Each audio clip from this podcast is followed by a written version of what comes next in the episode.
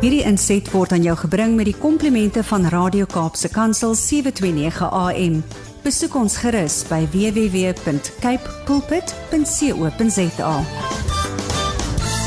En Rudy is een van die kindergebedsnetwerk van Suid-Afrika se Wes-Kaapse fasiliteerders. Jy laat my net die hele tyd giggel hierso met die ding wat jy nou vir my stuur Rudy van sout wat rym met stout en ook met goud. Wat gaan hier aan?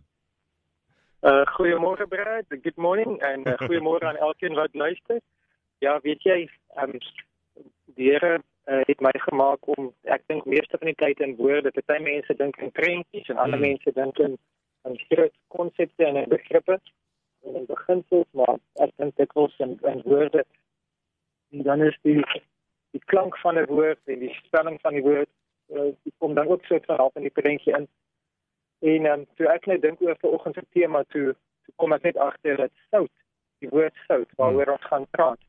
Dit ry met stout, maar dit ry ook met goud. En uh, ek dink dit gaan 'n goeie manier wees om ons om ons tema uit te pak. So kom ek kom ek duidelik waar waar ons wil praat. Nou in Matteus sê Jesus vir ons dat ons is die sout van die wêreld. En uh, dis 'n bekende gedagte en dis 'n wonderlike gedagte. En uh, baie mense het dit al vir my so verduidelik en ek het dit ook al vir ander mense so verduidelik dat sout het 'n behoudende eienskap. Dit is 'n preserveermiddel. Hmm. En oor eeue heen voordat elektrisiteit, voordat refrigeration, voordat verkoeling, yskaste 'n werklikheid was, vir al die eeue heen is sout gebruik om kos te preserveer. En ons as Suid-Afrikaners is meeste van ons is baie lief vir 'n stuk biltong. Hmm. Maar as jy 'n stuk biltong sou vat en in die in die in die sout in die proses nie sou insluit nie, dan gaan jy nie 'n lekker happie hê wat jy terwyl die springbokke wen en ons almal bly is nie jy gaan nie lekker biltong hê nie, maar jy gaan voedselvergiftiging hê want daai sout is daai daai sout is nie in die vleis nie. Hmm. En daai sout sonder sout is dit 'n fout. Nog 'n reënboog. Dis hy. sonder sout is dit 'n fout want die biltong is dan nie meer lekker biltong nie, dit is dan vrot vleis want die sout het nie die, die vleis gepreserveer nie. Want biltong is tog altyd net uitgedroogde rou vleis. Nou die feit dat dit uitgedroog is, het 'n het 'n deel is is 'n deel 'n aandeel aan die preservering, maar die feit dat dit daar sout is, het 'n groot aandeel daaraan dat dit gepreserveer is. En net so kan jy as jy in 'n uh, in die Karoo of ergens op 'n plaas ver weg van mediese uh, aandag, jy's nie naby 'n apteek nie, jy's nie naby 'n ambulans of 'n 'n dokter nie en jy sny jouself en daar's nou nie ontsmettingsmiddel naby nie, dan is sout 'n baie goeie eerste stap net om jou wond meer te ontsmet. En uh, bietjie vroeër in die jaar Ek moes ek by die tandarts te draai maak en die tandarts het nou ongelukkig vir my gesê ek moet een van my tande skroet en uh, sy het getrek en uh, die tand het getrek en uh, ek is toe nou met sonder tande uit. En um, daai gaping daai groot diep uh, opening in my in my tandkas hy het sy gesê moet ek gereeld met sout uitspoel mm. want die sout keer dan nie infeksies kom nie. So ek dink almal van ons is baie bewus daarvan dat sout 'n behoudende effek. En as met dit in die in die geestelike toepas het ek in my lewe al veral in my jonge jare het ek baie sterk standpunt uitgeneem ingeneem teen sekere dinge.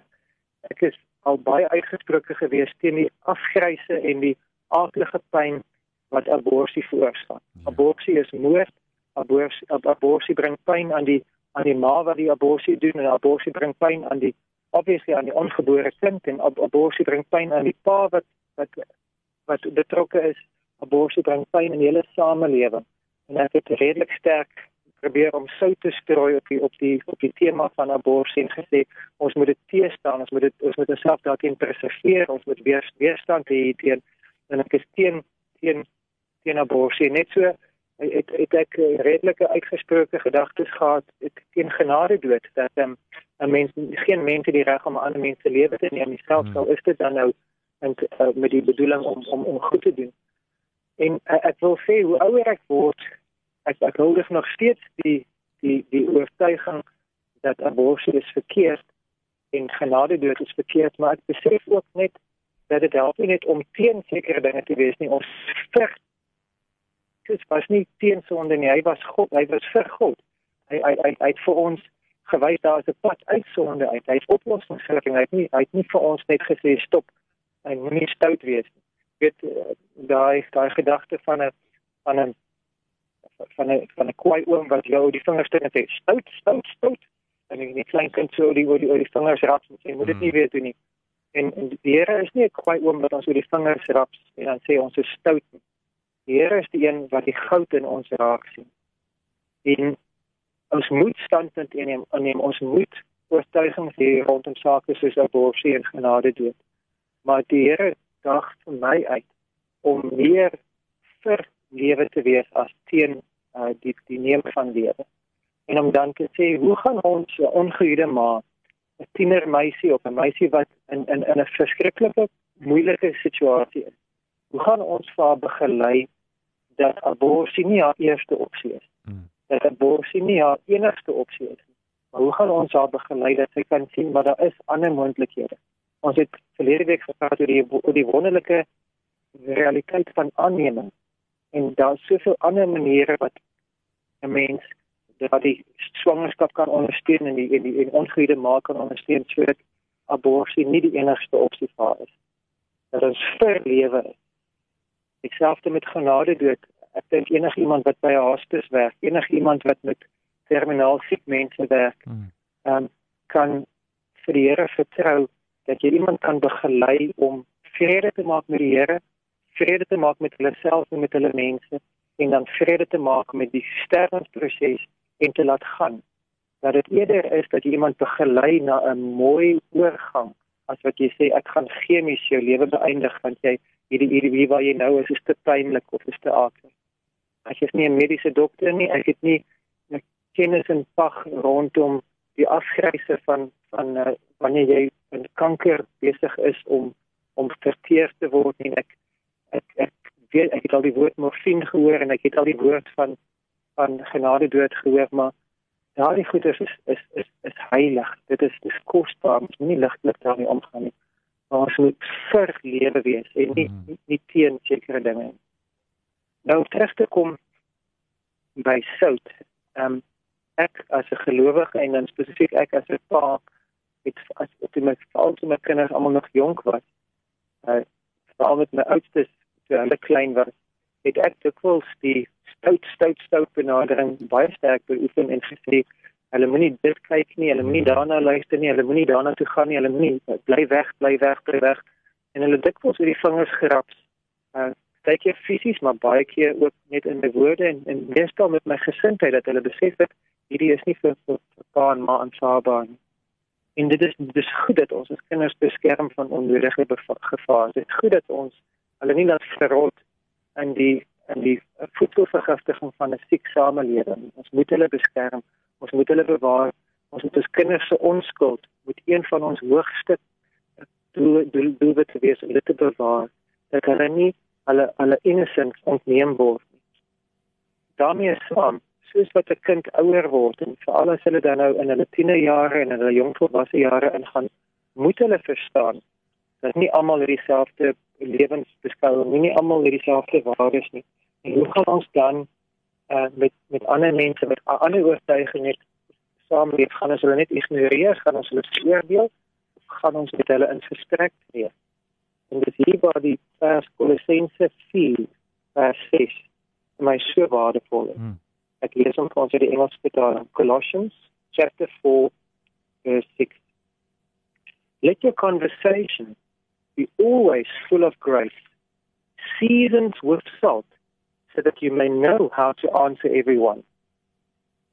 Ek lees dit weer. Colossense hoofstuk 4 vers 6. Let your conversation be always full of grace, seasoned with salt, so that you may know how to answer everyone.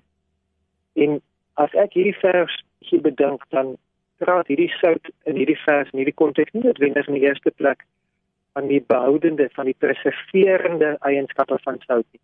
Maar dit praat van die smaakgewende aspek van sout. Dit sout bring geurigheid. Uh, kos wat laf is kos sonder sout is geurloos en is baie keer baie moeilik om af te wig dit mm. dit is net nie lekker nie maar net 'n klein bietjie sout bring die geur uit en dit dat almal glimlag terwyl hulle sluk. Mm. dit is net soveel lekkerder. Nou in in in ons gesprekke moet ons dikwels teen sekere dinge wees en ons moet begin so vas wees. Maar vir al ons gesprekke met ons kinders met wie ons 'n langtermyn 'n lewenslange verhouding het, moet ons kinders nie net weet wat is pa en ma se waardes waar teen is hulle nie, maar hulle moet ook vry kan wees om in gesprek te wees en dinge te kan bespreek. En dat dit 'n geurende gesprek is, dat dit nie 'n argument is nie, dat dit nie 'n doodloopstraat is en dis deur word toegeslaan en almal is vies vir mekaar en daar's stilstype in die huis nie. Hmm. Dit ek ek ken daardie scenario, maar dit is nie die beste scenario nie. Die beste scenario is om te kan debatteer en te kan sê ek sien ek ek verskil van jou maar ek hoor wat jy sê. My my my dogter en dit is nie so eenvoudig soos wat jy daar sê nie, maar kom ons praat verder daaroor. En verduidelik vir my hoekom is hierdie saak vir jou so na aan die hart? En jy engage met hulle in conversation en dit word 'n geurende conversation en die ander een, eenskap van sout is natuurlik dit maak jou dors. En as jy as as jou gesprek so smaaklik is en hulle so dors maak dat hulle lewende water soek dat hulle nader aan Jesus kom en nader aan jou kom dan is dit 'n geslaagde gesprek al het jy nog nie ten volle oortuig dat ehm um, hulle dadelik saamstem met jou waardes of saamstem met jou argumente. Ons wil nie argumente wen nie, ons wil harte wen. Hmm. Al ons eie kinders, ons eie kinders se harte is tog soveel meer belangrik as wat hulle weet wat is wat is ons beginsels of of, of waar waar waar teen is ons. Dit is hulle harte kan wen.